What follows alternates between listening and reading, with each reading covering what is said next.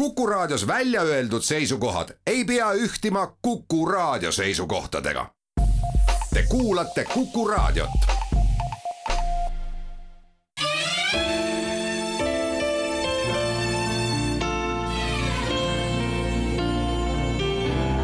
nädala raamat. Hannu Aaldonen ja Tapio Keskitalu, jalgpalli must raamat kirjastuselt Helios ilusat uut nädalat, head kuulajad! käimasoleva, täna veel värske nädala lõpp kulmineerub teadupoolest siis ühe paljudele kaua, kohe väga kaua oodatud sündmusega. pühapäeva õhtul pannakse pall mängu Al-Khori linnas Al-Baiti staadionil matšile Katari ja Ecuadori koondiste vahel ning järgmiseks kuuks ajaks on paljude, no kohe ikka väga paljude meeled hõivatud või puudutatud kuningas jalgpallist Katar võõrustab jalgpallimaailma suurimat sündmust. iga nelja aasta tagant toimuvat meeste maailmameistrivõistluste finaalturniiri. ja väga sobivalt on just sel nädalal maandunud Kuku raadio lugemislauale raamat, mis muide selle nädala keskel jõuab ka füüsiliselt raamatupoodidesse, mis kannab pealkirja Jalgpalli must raamat ja alapealkirja, mis täpsustab kuninglik ala ja rahavõim raamatu autorid on soomlastest ajakirjanikud Hanno Aldonen ja Tapio Keskitalo. mõlemad töötavad Soome teadeteagentuuri toimetajatena. Neist noorem mees Keskitalo ongi spordiajakirjanik suunitlusega jalgpallile ja vanem mees Aldonen on lihtsalt kirglik vutifänn täpsustusega, et talle on jalgpall elusuurune kirg kirjastuse Helios välja antud raamatu on tõlkinud eesti keelde Anne-Mari Orntlich, toimetanud Veste Roosaar ja küljendanud Einike Soosaar. head kuulajad, eks raamatu pealkirigi reedab juba, mis laadi lähenemisega armastatud spordialale on sedakorda tegemist. ja nagu öeldud, alapealkiri täpsustab seda veelgi ja ma kaldun arvama, et siirale jalgpallisõbrale ei ole see emotsionaalselt lihtne lugemine see on üsna kainestav, kalgilt tekki pealt rebiv ja päris korralikult raputav lugemine just siirale jalgpallisõbrale. sellisele, kes on nakatunult siiralt lihtsalt selle mängu võlust, sellest õhinast ja kaasaelamisest, mis kaasneb rünnakule siirduva lemmikmeeskonna ründaja äkkspordiga, no ja rääkimata eufooriast, mis järgneb väravale. ja ei ole ta ka emotsionaalselt lihtne lugeda inimesele, kes muidugi uudiseid jalgpallielu hämarast poolest on lugenud, aga kes ei taha reageerida või suhestuda sellesse kas siis enda jaoks eitatakse seda probleemi või lihtsalt ei teadvustata, sest kirjeldatavad rahasummad on ju hoomamatud ja käsitletavad probleemid, nagu näiteks korruptsioon, lihtsale lugejale võõrad. ja nüüd, selle raamatuga pannakse nende viimaste lugejate jaoks peeglitega hämaras toas tuli täies vaardis põlema ja näidatakse jalgpallimaailma telgitaguseid kohe täies hiilguses igast peeglist ja see vorstitegu, mis näitab, kuidas voolitakse miljoneid väärt brände, jah, just nimelt brände, mitte inimestest lihast uust jalgpallureid, ei ole üldse ilus. nagu ka see teadmine, kuidas jõudis asi nii kaugele, et valmis sai see kaunis kuld ja kard, mille hiilgusesse on peagi astumas maailma parimad jalgpallurid just tema tänasel kujul, ehk detsembris ehk Kataris, üheteistkümne tuhande ruutkilomeetri suuruses riigis. no see on umbes neli Eesti maakonda ehk oludes, kus see pisike riik on ehitanud kaheksa imposantset staadioni, milledest muide enamik läheb pärast turniiri lammutamisel ehk lihtsalt raisku. ehk siis oludes, kus need staadionid on piltlikult öeldes rajatud orjatöö higile, verele, pisaratele, veeringutele ja mõnedel puhkudel ka süngelt utreerides kontidele. see teadmine ei ole ilus. nagu ka teised, mille lugejad raamatust kaasa saavad ma läksin nimme sissejuhatuses emotsionaalseks ja püstitatud probleeme lühidalt tutvustades ka pisut ülepaisutatuks. sest üldjoontes on selline ka meie nädalaraamatu sisu ja autorite lähenemine püstitatud probleemidele. ja olge hoiatatud, Aaldonen ja Keskitalo lajatavad täie labida laiusega ja päris korraliku jõuga niisiis raamat üldjoontes sellest, kuidas süütust, toredast ja masse haaravaid ja kaasavast jalgpallist sai ühel hetkel silmipimestavalt suure hulga rahaga majandusharu vaated tema kõigis sfäärides. meelelahutussfääris seda niikuinii ja iseenesest mõista. aga ka muud sfäärid ja mis meie raamatu kontekstis eriti oluline, jalgpall on väga oluline varimajandusharu meie nädalaraamatu peatükkide pealkirjad räägivad juba üsna palju enda eest. Alustagem esimesest. tippjalgpalli ahnus, mis võtab luubi alla autorite nägemuse sellest, kuidas ja miks see tõeliselt suur raha jalgpalli juurde jõudis. ja pole saladus, et tänu televisioonile ja autorid muide näitavad siin eriti pikka sõrme Rupert Murdochi suunas ja jah, Premier League, tahame või ei taha, on siin olnud peaaegu et igal ajal ja igas valdkonnas esirinnas, kui asi puudutab raha, kuulsust, vaadatavust ja nõnda edasi.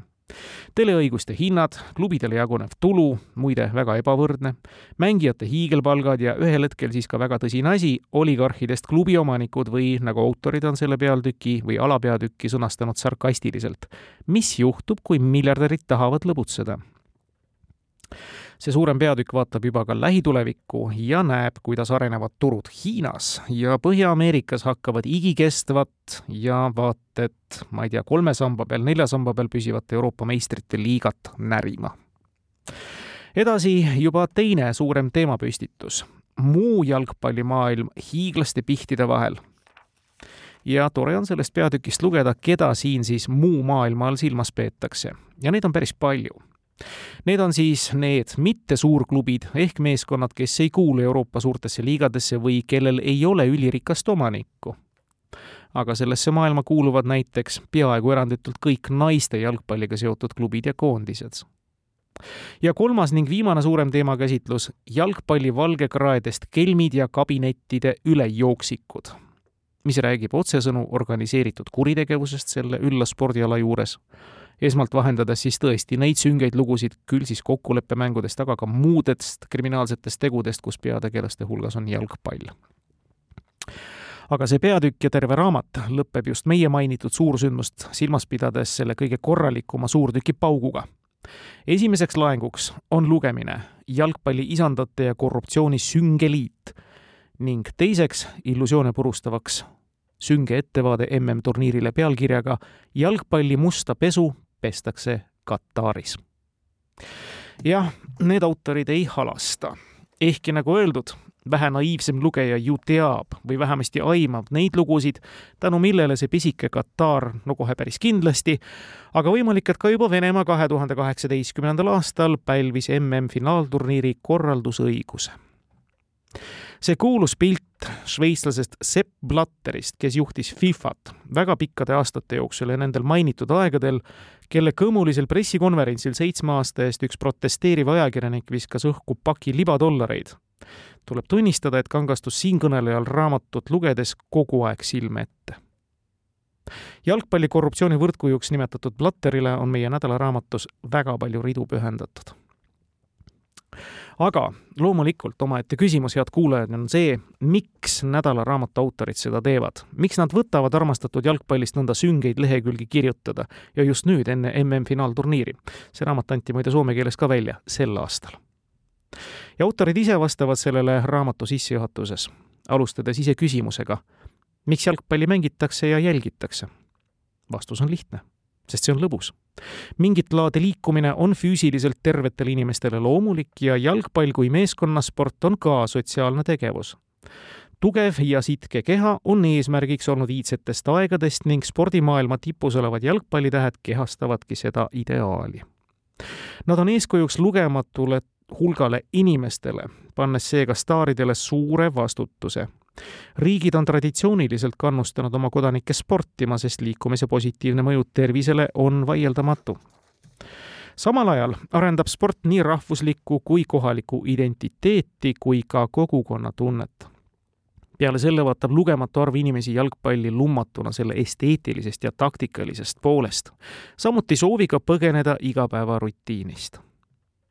ja mõnikord teeb jalgpall karuteene oma kõrgelennulistele väärtustele, tribüünidel võib seda väärtumist näha näiteks natsionalismi ilmingutes, huligaansustes, rassismis, šovinismis ja kitsarinnalisus macho etlemises. juhtimistasandil tähendab see otsuseid, kus mäng ja mängijad surutakse tähtsusetuteks osatäitjateks näidendis, mida juhib raha ja võimu iha.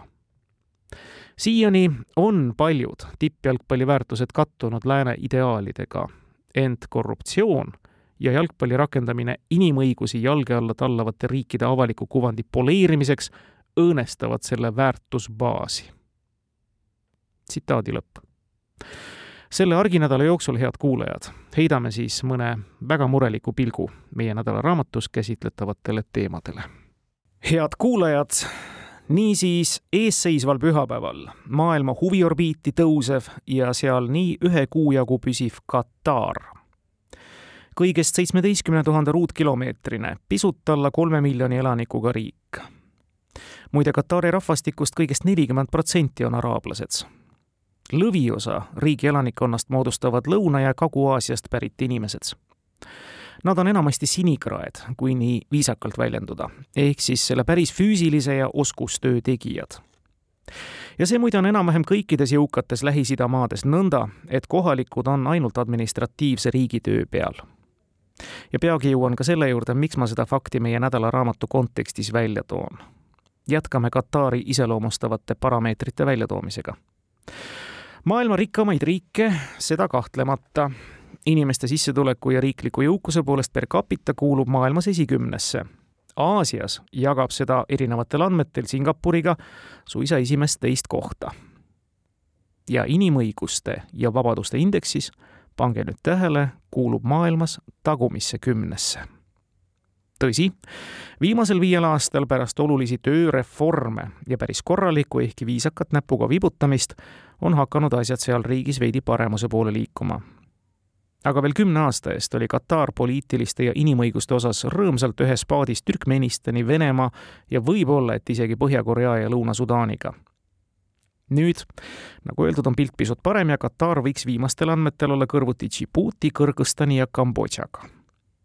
ja see riik, pindalalt sama suur kui üks kolmandik Eestit, aga rikas nagu troll, võõrustab siis neli aastakku üht maailma olulisemat spordipidu olles ehitanud selleks valmis keset ei midagi, kaheksa hiigelsuurt staadioni, mis mahutaks muide vabalt nii üks üheksandikku kogu Katari rahvaarvust ja olles ehitanud selleks valmis hunniku hotelle ja treeningbaase kõige juurde kuuluva taristuga.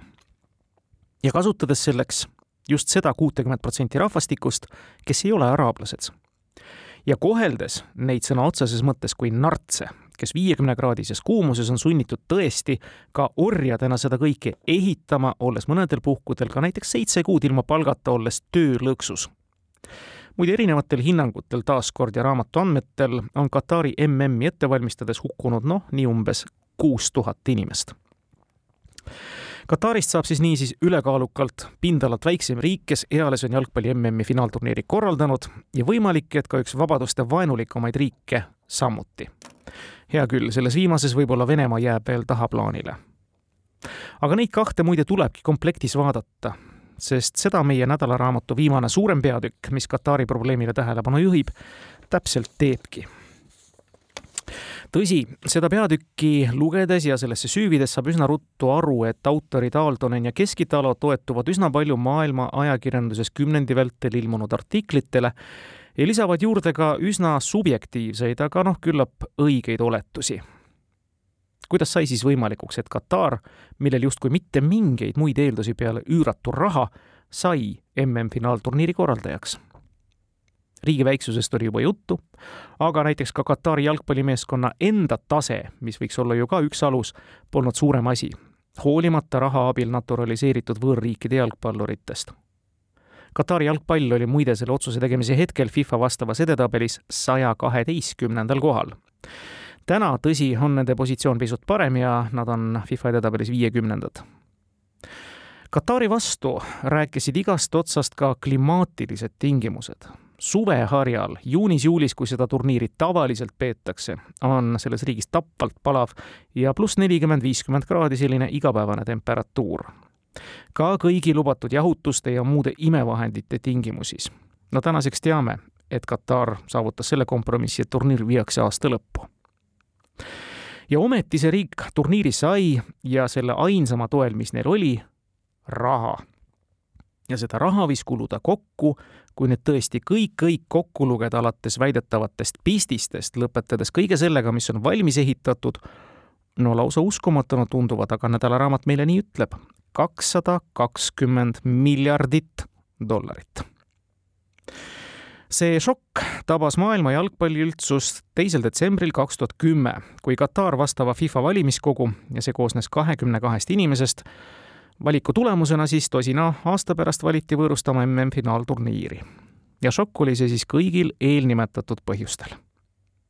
ja samal ajal muide hääletati ka Venemaa kahe tuhande kaheksateistkümnenda aasta MM-turniiri korraldajaks valijate seas olid ka meie raamatu lehekülgedel sagedasti mainitud kelmid, seda ütlevad autorid, Sepp Blatterist kuni Michel Platinini ja Jack Blazersist kuni Jack Warnerini. juba enne tolle protsessi algust olid ringlemas kahtlused, et suur raha on tegemas tegusid mitte ainult klubi jalgpallis, vaid kogu maailma jalgpalli katuseorganisatsioonis ja teps mitte kõige õilsamal ja jalgpalli parendavamal moel korruptsioonikahtlusi ringles juba enne seda valikut ja veel rohkem pärast toda valikut selle vahega, et pärast hakkasid juba tõendite ilmnedes ka pead lendama, noh, nii literatuurselt väljendudes. Katari valimine korraldajaks paistis seda enam plass välja, et konkurents kahe tuhande kahekümne teise aasta MM-finaalturniiri korraldamiseks oli vägev ja teised kandidaadid väga tugevad. turniiri soovisid saada ka Austraalia, Jaapan, Lõuna-Korea ja Ameerika Ühendriigid ja muide ka Venemaal olid kahe tuhande kaheksateistkümnenda aasta turniiri korralduse peale kõvad konkurendid. aga edasi minnes õigemini tagasi. seda, et hääletus kisub farsiks, aimati juba ette. raamatu autorid meenutavad, et Briti ajaleht The Sunday Times oli vahetult enne FIFA kongressi paljastanud meeste nimega Temari ja Adamu kelmuse ja FIFA leidis, et mõlemad on süüdi usalduse kuritarvitamises Need Temari ja Adamu olid aga suuremale avalikkusele tundmatud jalgpallibossid ja hääletusprotsess tormas edasi teise detsembri näitemängu poole kuigi FIFA karistas mõlemat meest, noomis katuseorganisatsiooni esimees ka The Sunday Timesi, mis tema sõnul oli probleemid kontekstist välja rebinud. kaks päeva enne hääletust andis aga BBC oma Panoraama saateprogrammis löögi, teatades uutest tõenditest, mis on seotud varem raamatus käsitletud FIFA ja ISL-i, see on siis Šveitsi turundusettevõtte täispika nimetusega International Sport and Leisure vaheliste kokkulepetega ja saate pomminfo kohaselt olid Jalgpalliliidu president Brasiiliast Ricardo Teixeira, Aafrika Jalgpalliliitude Konföderatsiooni president Issa Hayatou ja Lõuna-Ameerika Jalgpalliliitude Konföderatsiooni president Nicolas Leos võtnud ISL-ilt vastu pistist ja paljastuste taga oli Andrew Jennings, kes oli uurinud FIFA segadusi ilmselt kauem ja põhjalikumalt kui ükski teine ajakirjanik maailmas jalgpallibosside reaktsioon Panoraama saatele tundus olevat pigem pahameel, et valimisteks ei olnud võimalik, jutumärkides on see nüüd pandud, häirimatult valmistuda. no palju õnne!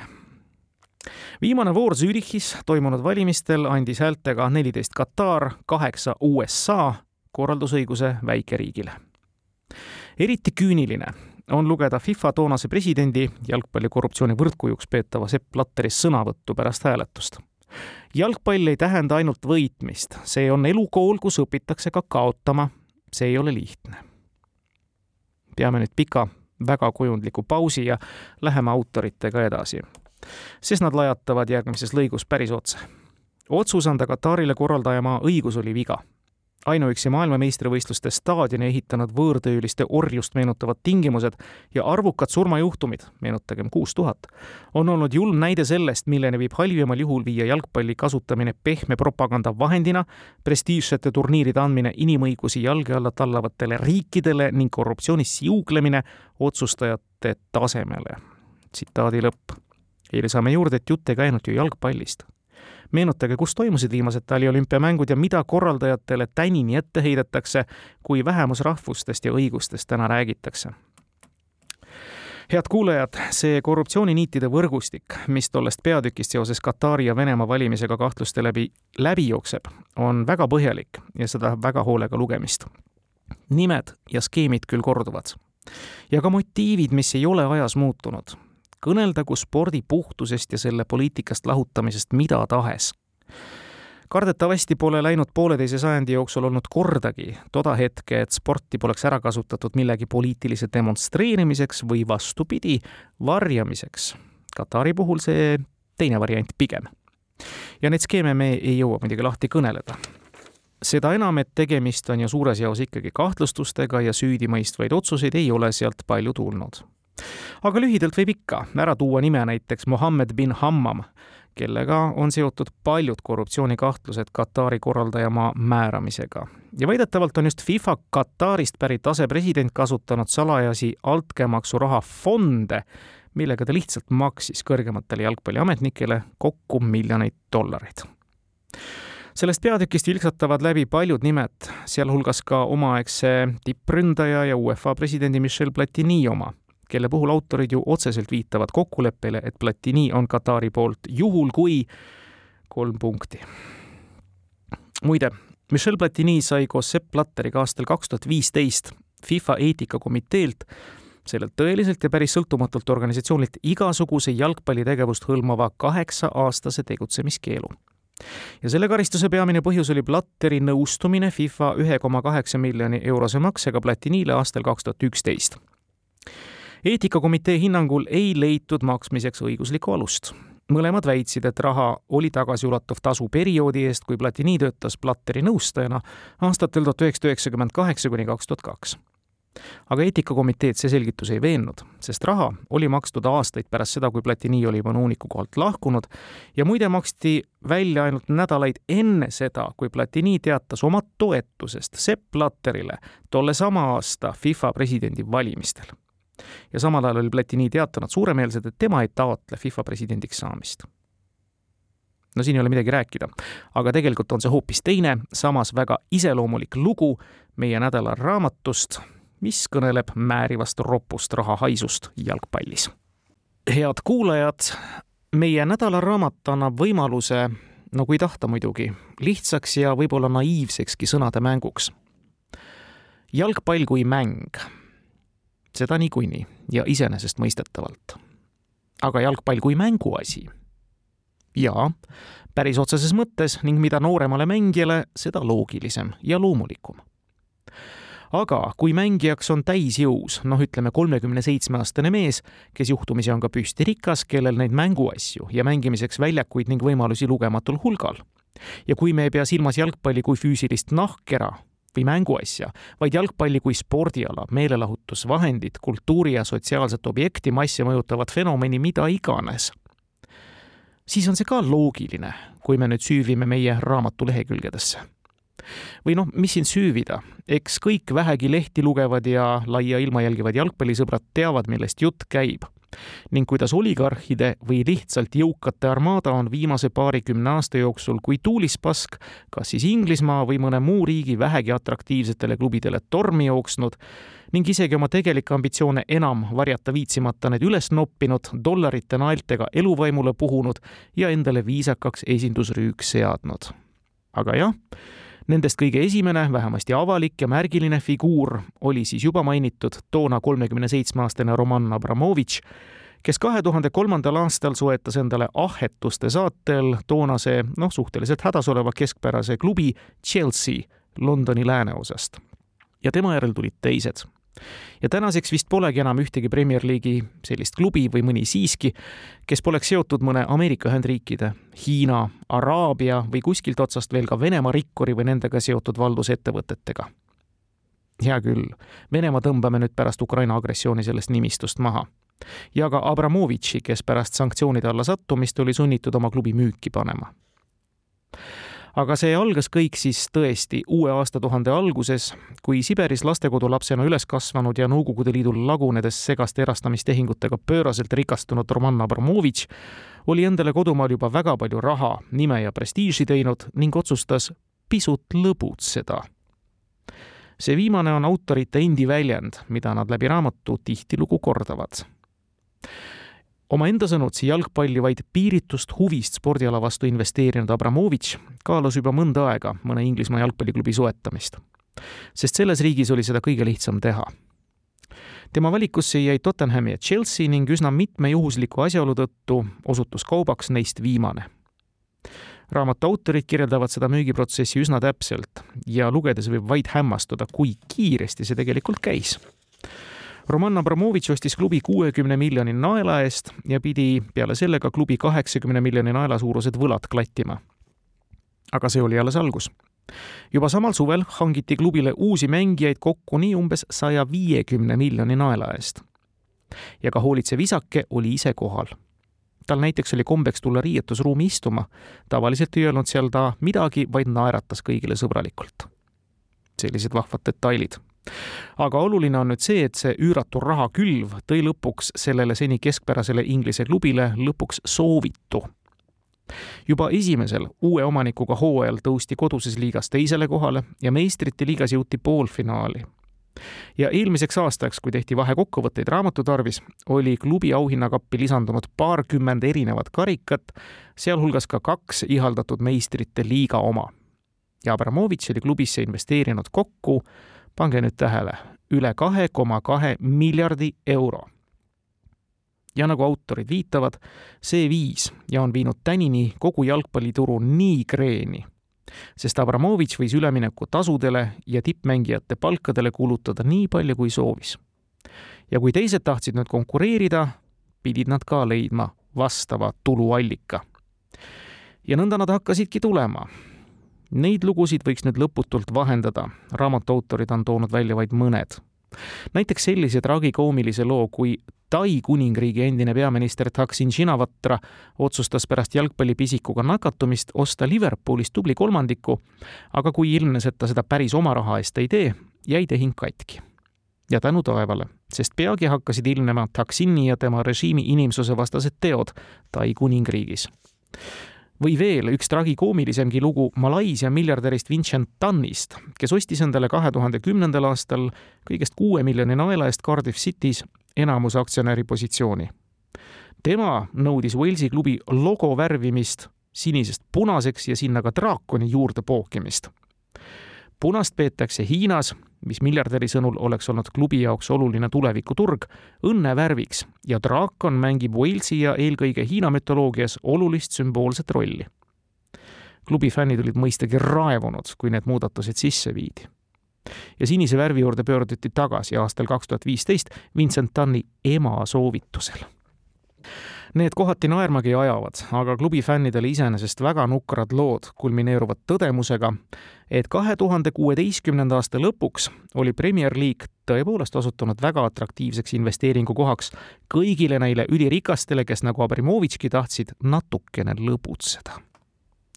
Premier League'i kahekümnest klubist viisteist olid toonaseks hetkeks läinud kas osaliselt või täielikult välisomandusse ja muide, väga aus on see, et Keskitalo ja Aaldonen küsivad raamatus otse, aga mis siis, mida halba on teinud miljardäride sekkumine jalgpalli? ja vastavad siis ise.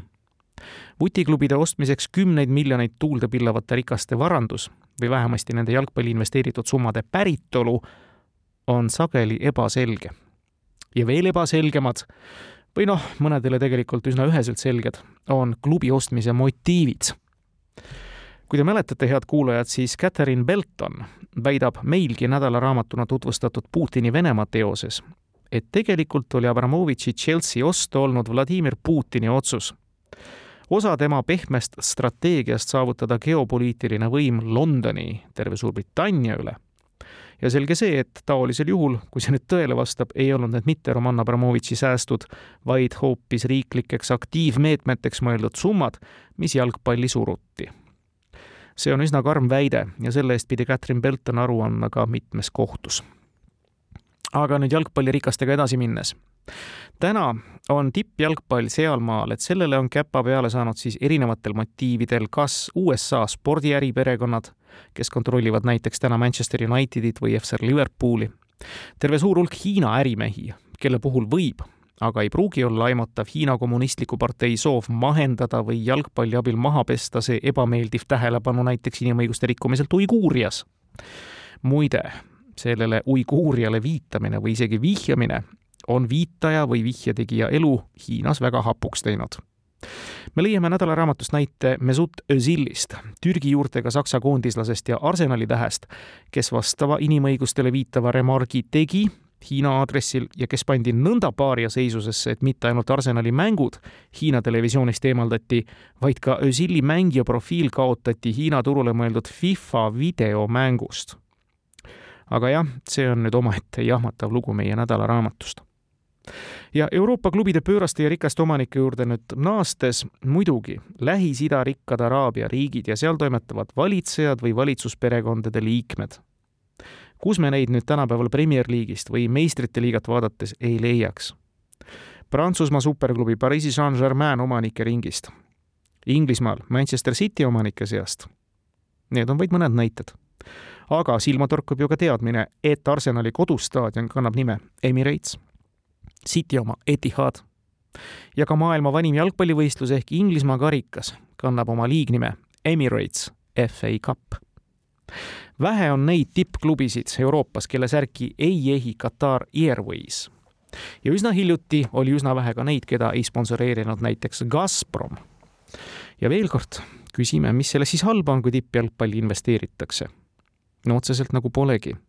aga kui hakkavad ilmnema investeerijate tegelikud motiivid, no siis juba on ja kui tulevad välja ka need üüratud käärid nende vahel, kellel raha ehk rikas omanik on ja nende vahel, kellel pole, Need on muide tegelikult juba praegu väga-väga suured.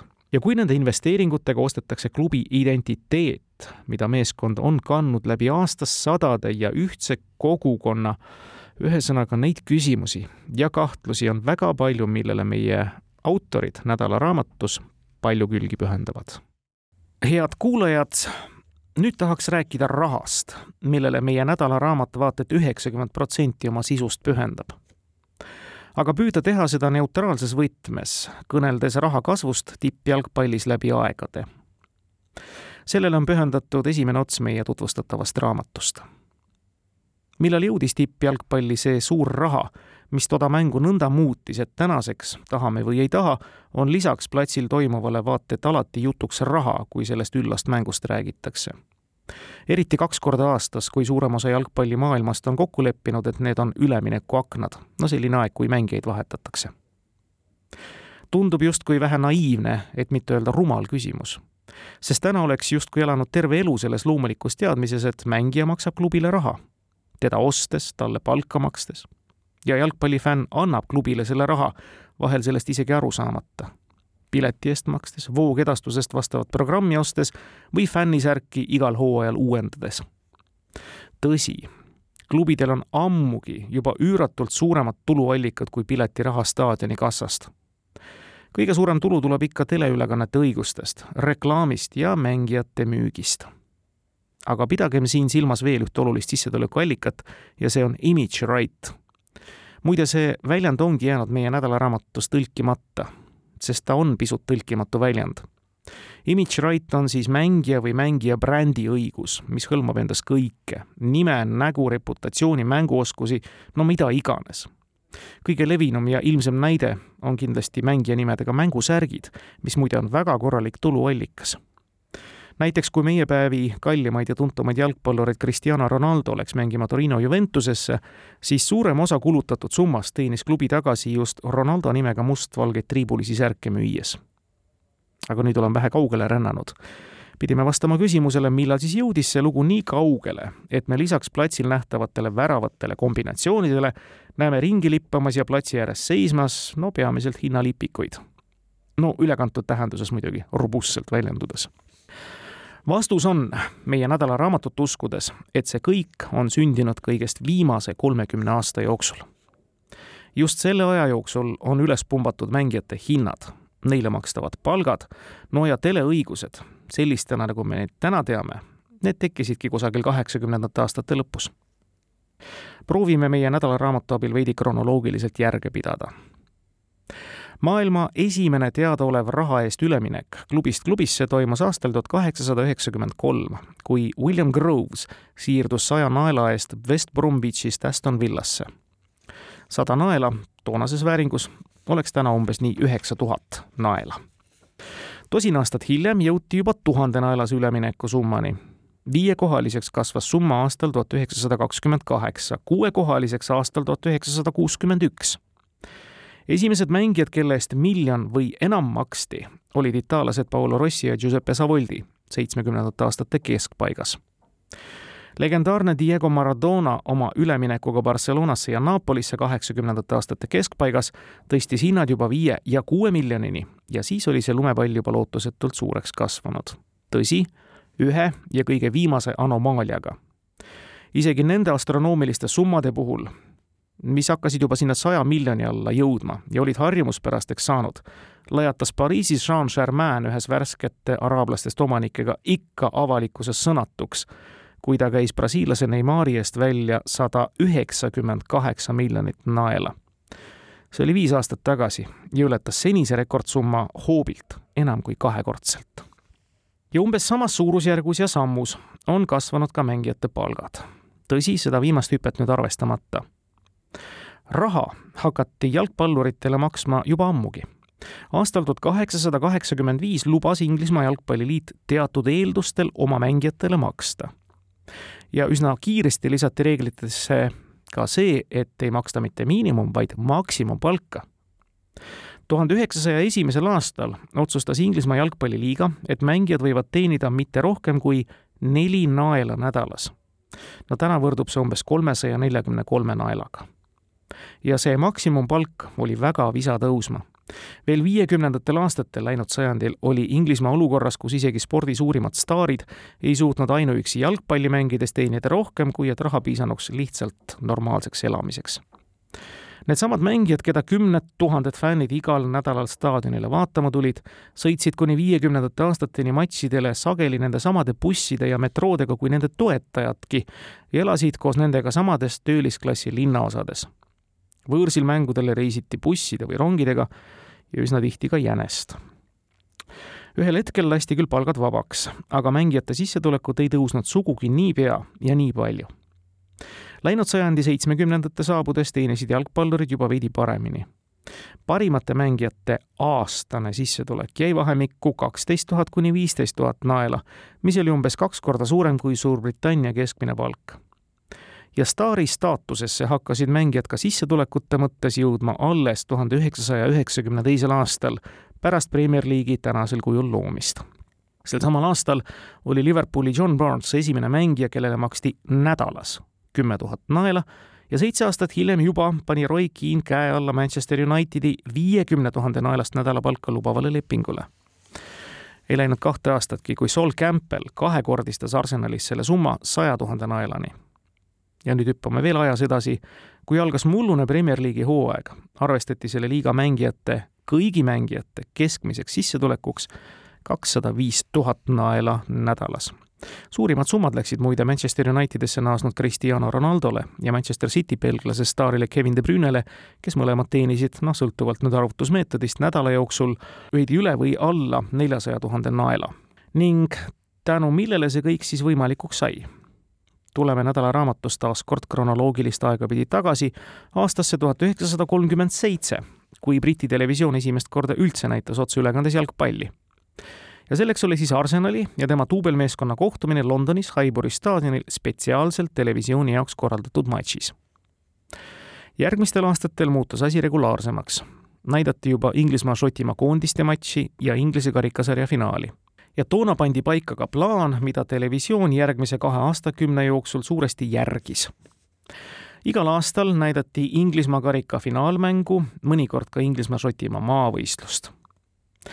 aastal tuhat üheksasada kuuskümmend sõlmis reklaamikanal ITV telelepingu toonase Inglismaa liigaga, mis tagantjärele vaadates tundub täiesti absurdne see leping maksis sada viiskümmend tuhat naela, tänases vääringus umbes kaks koma neli miljonit ja see kätkes endas õigust näidata kahtekümmet kuute matši terve hooaja peale, aga nõndaviisi, et televaatajatele näidati vaid ühte poolaega.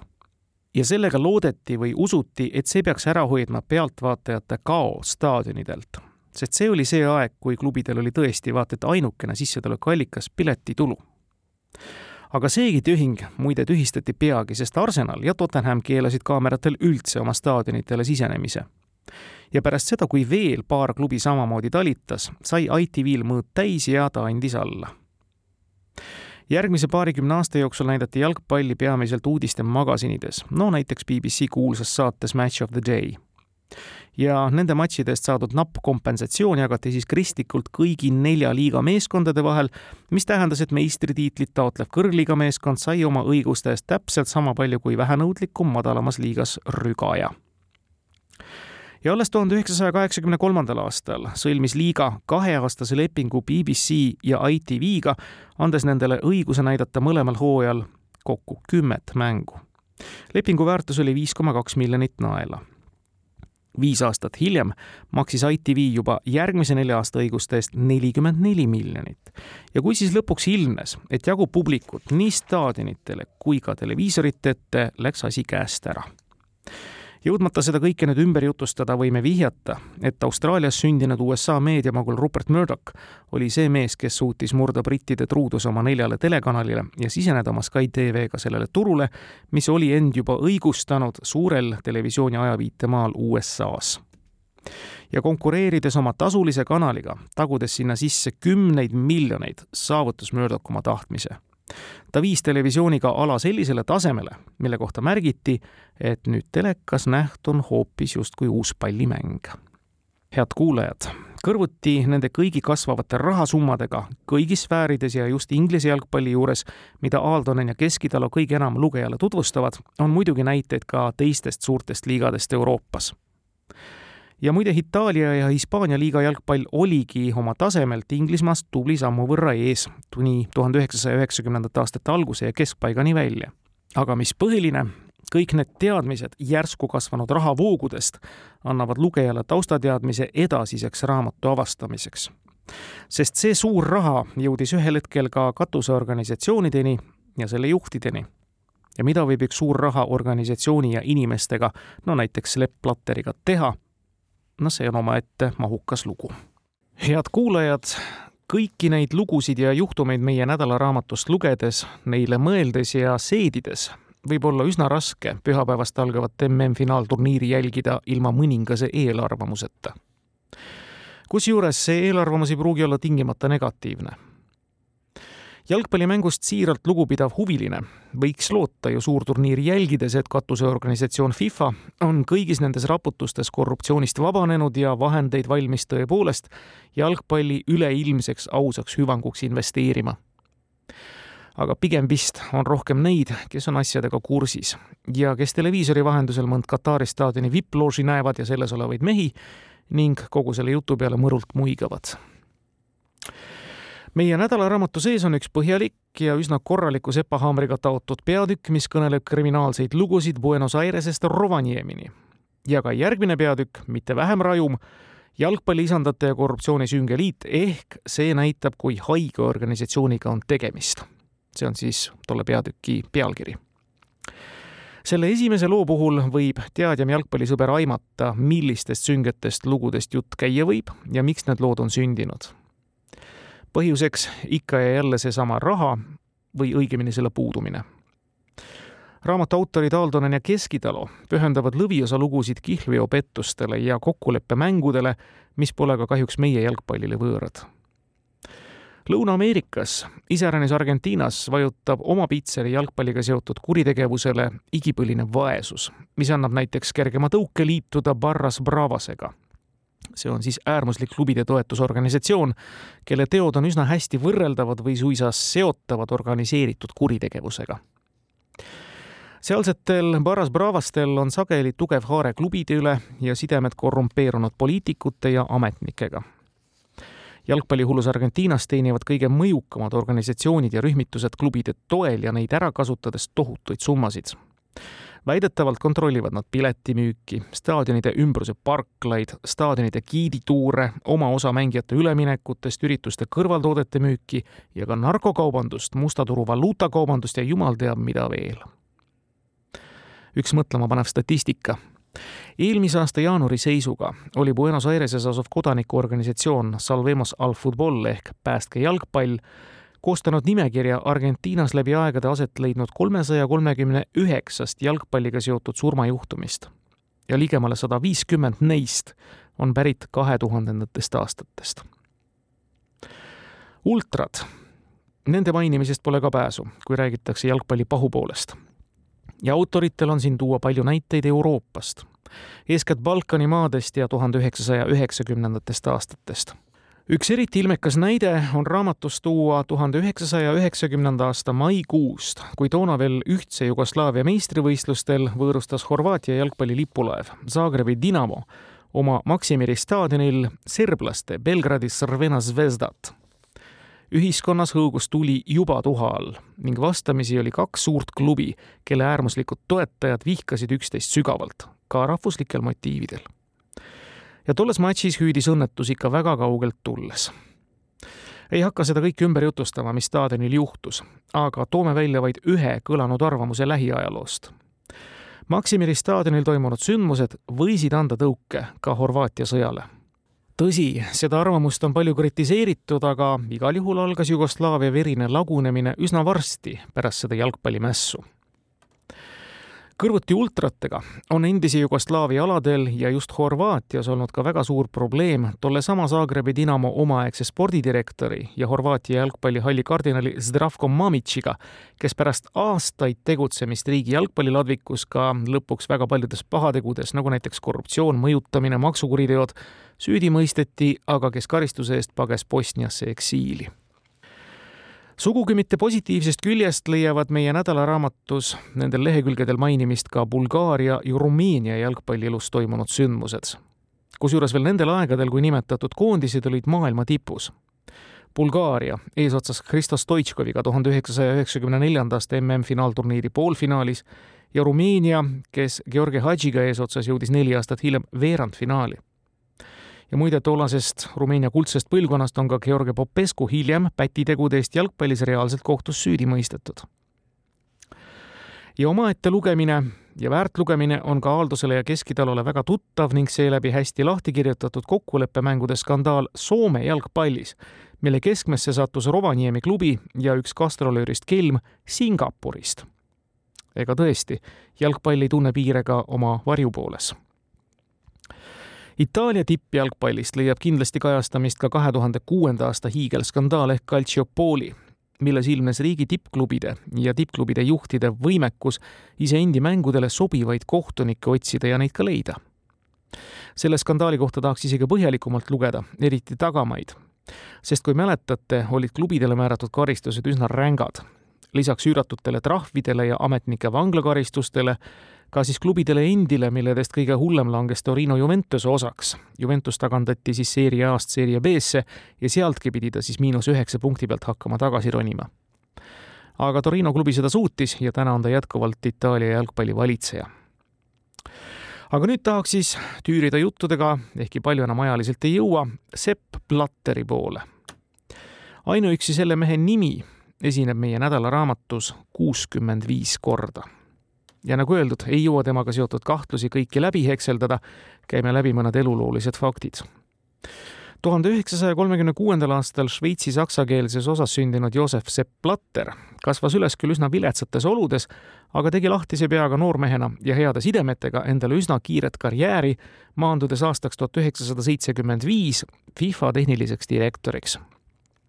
Ja vähesed oskasid siis aimata, kui palju ta seda ala järgnevatel aastakümnetel muudab tuhande üheksasaja kaheksakümne esimesel aastal tõusis šveitslane FIFA peasekretäriks ja aastal tuhat üheksasada üheksakümmend kaheksa presidendiks. kuulujutud ja sosinad võimalikest altkäemaksudest susisesid juba pärast esimest korda tema presidendiks valimist, aga need süüdistused Platterit ei kõigutanud, ehkki süüdistajateks olid tema lähedased toonased kaasvõitlejad ja võimalik, et ka kaasosalised järgmine tõsine skandaal tõi šveitslase prožektori vihku kahe tuhande esimesel aastal, kui tuntud turundusettevõte ISL pankrotti läks.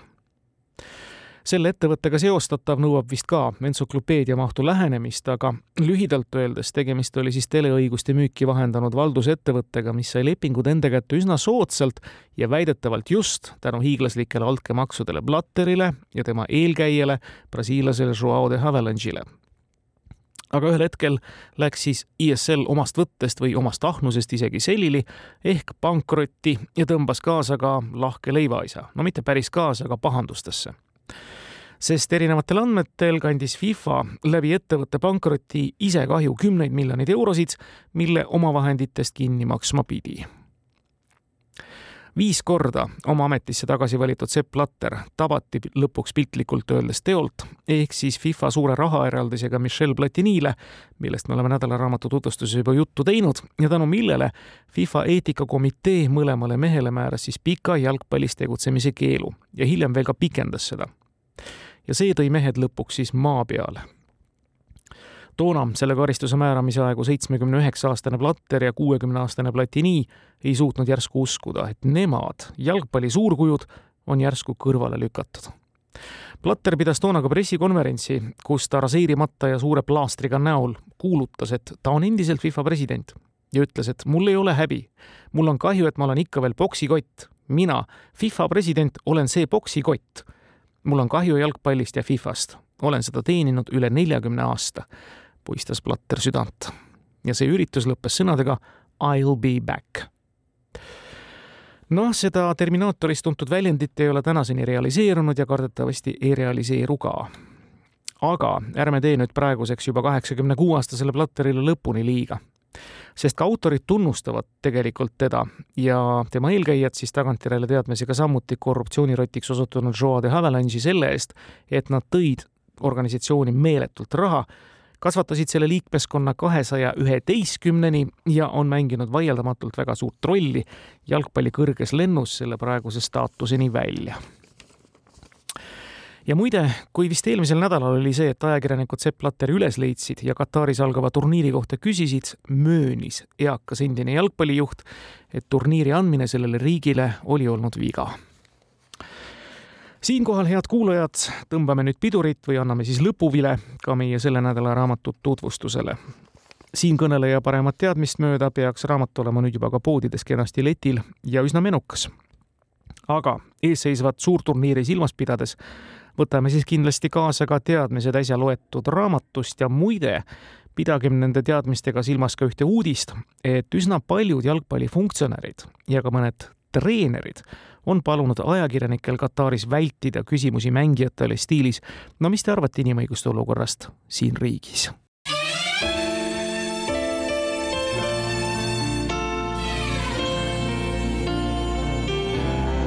nädala raamat. Hannu Aaldonen ja Tapio Keskitalu jalgpalli must raamat kirjastuselt Helios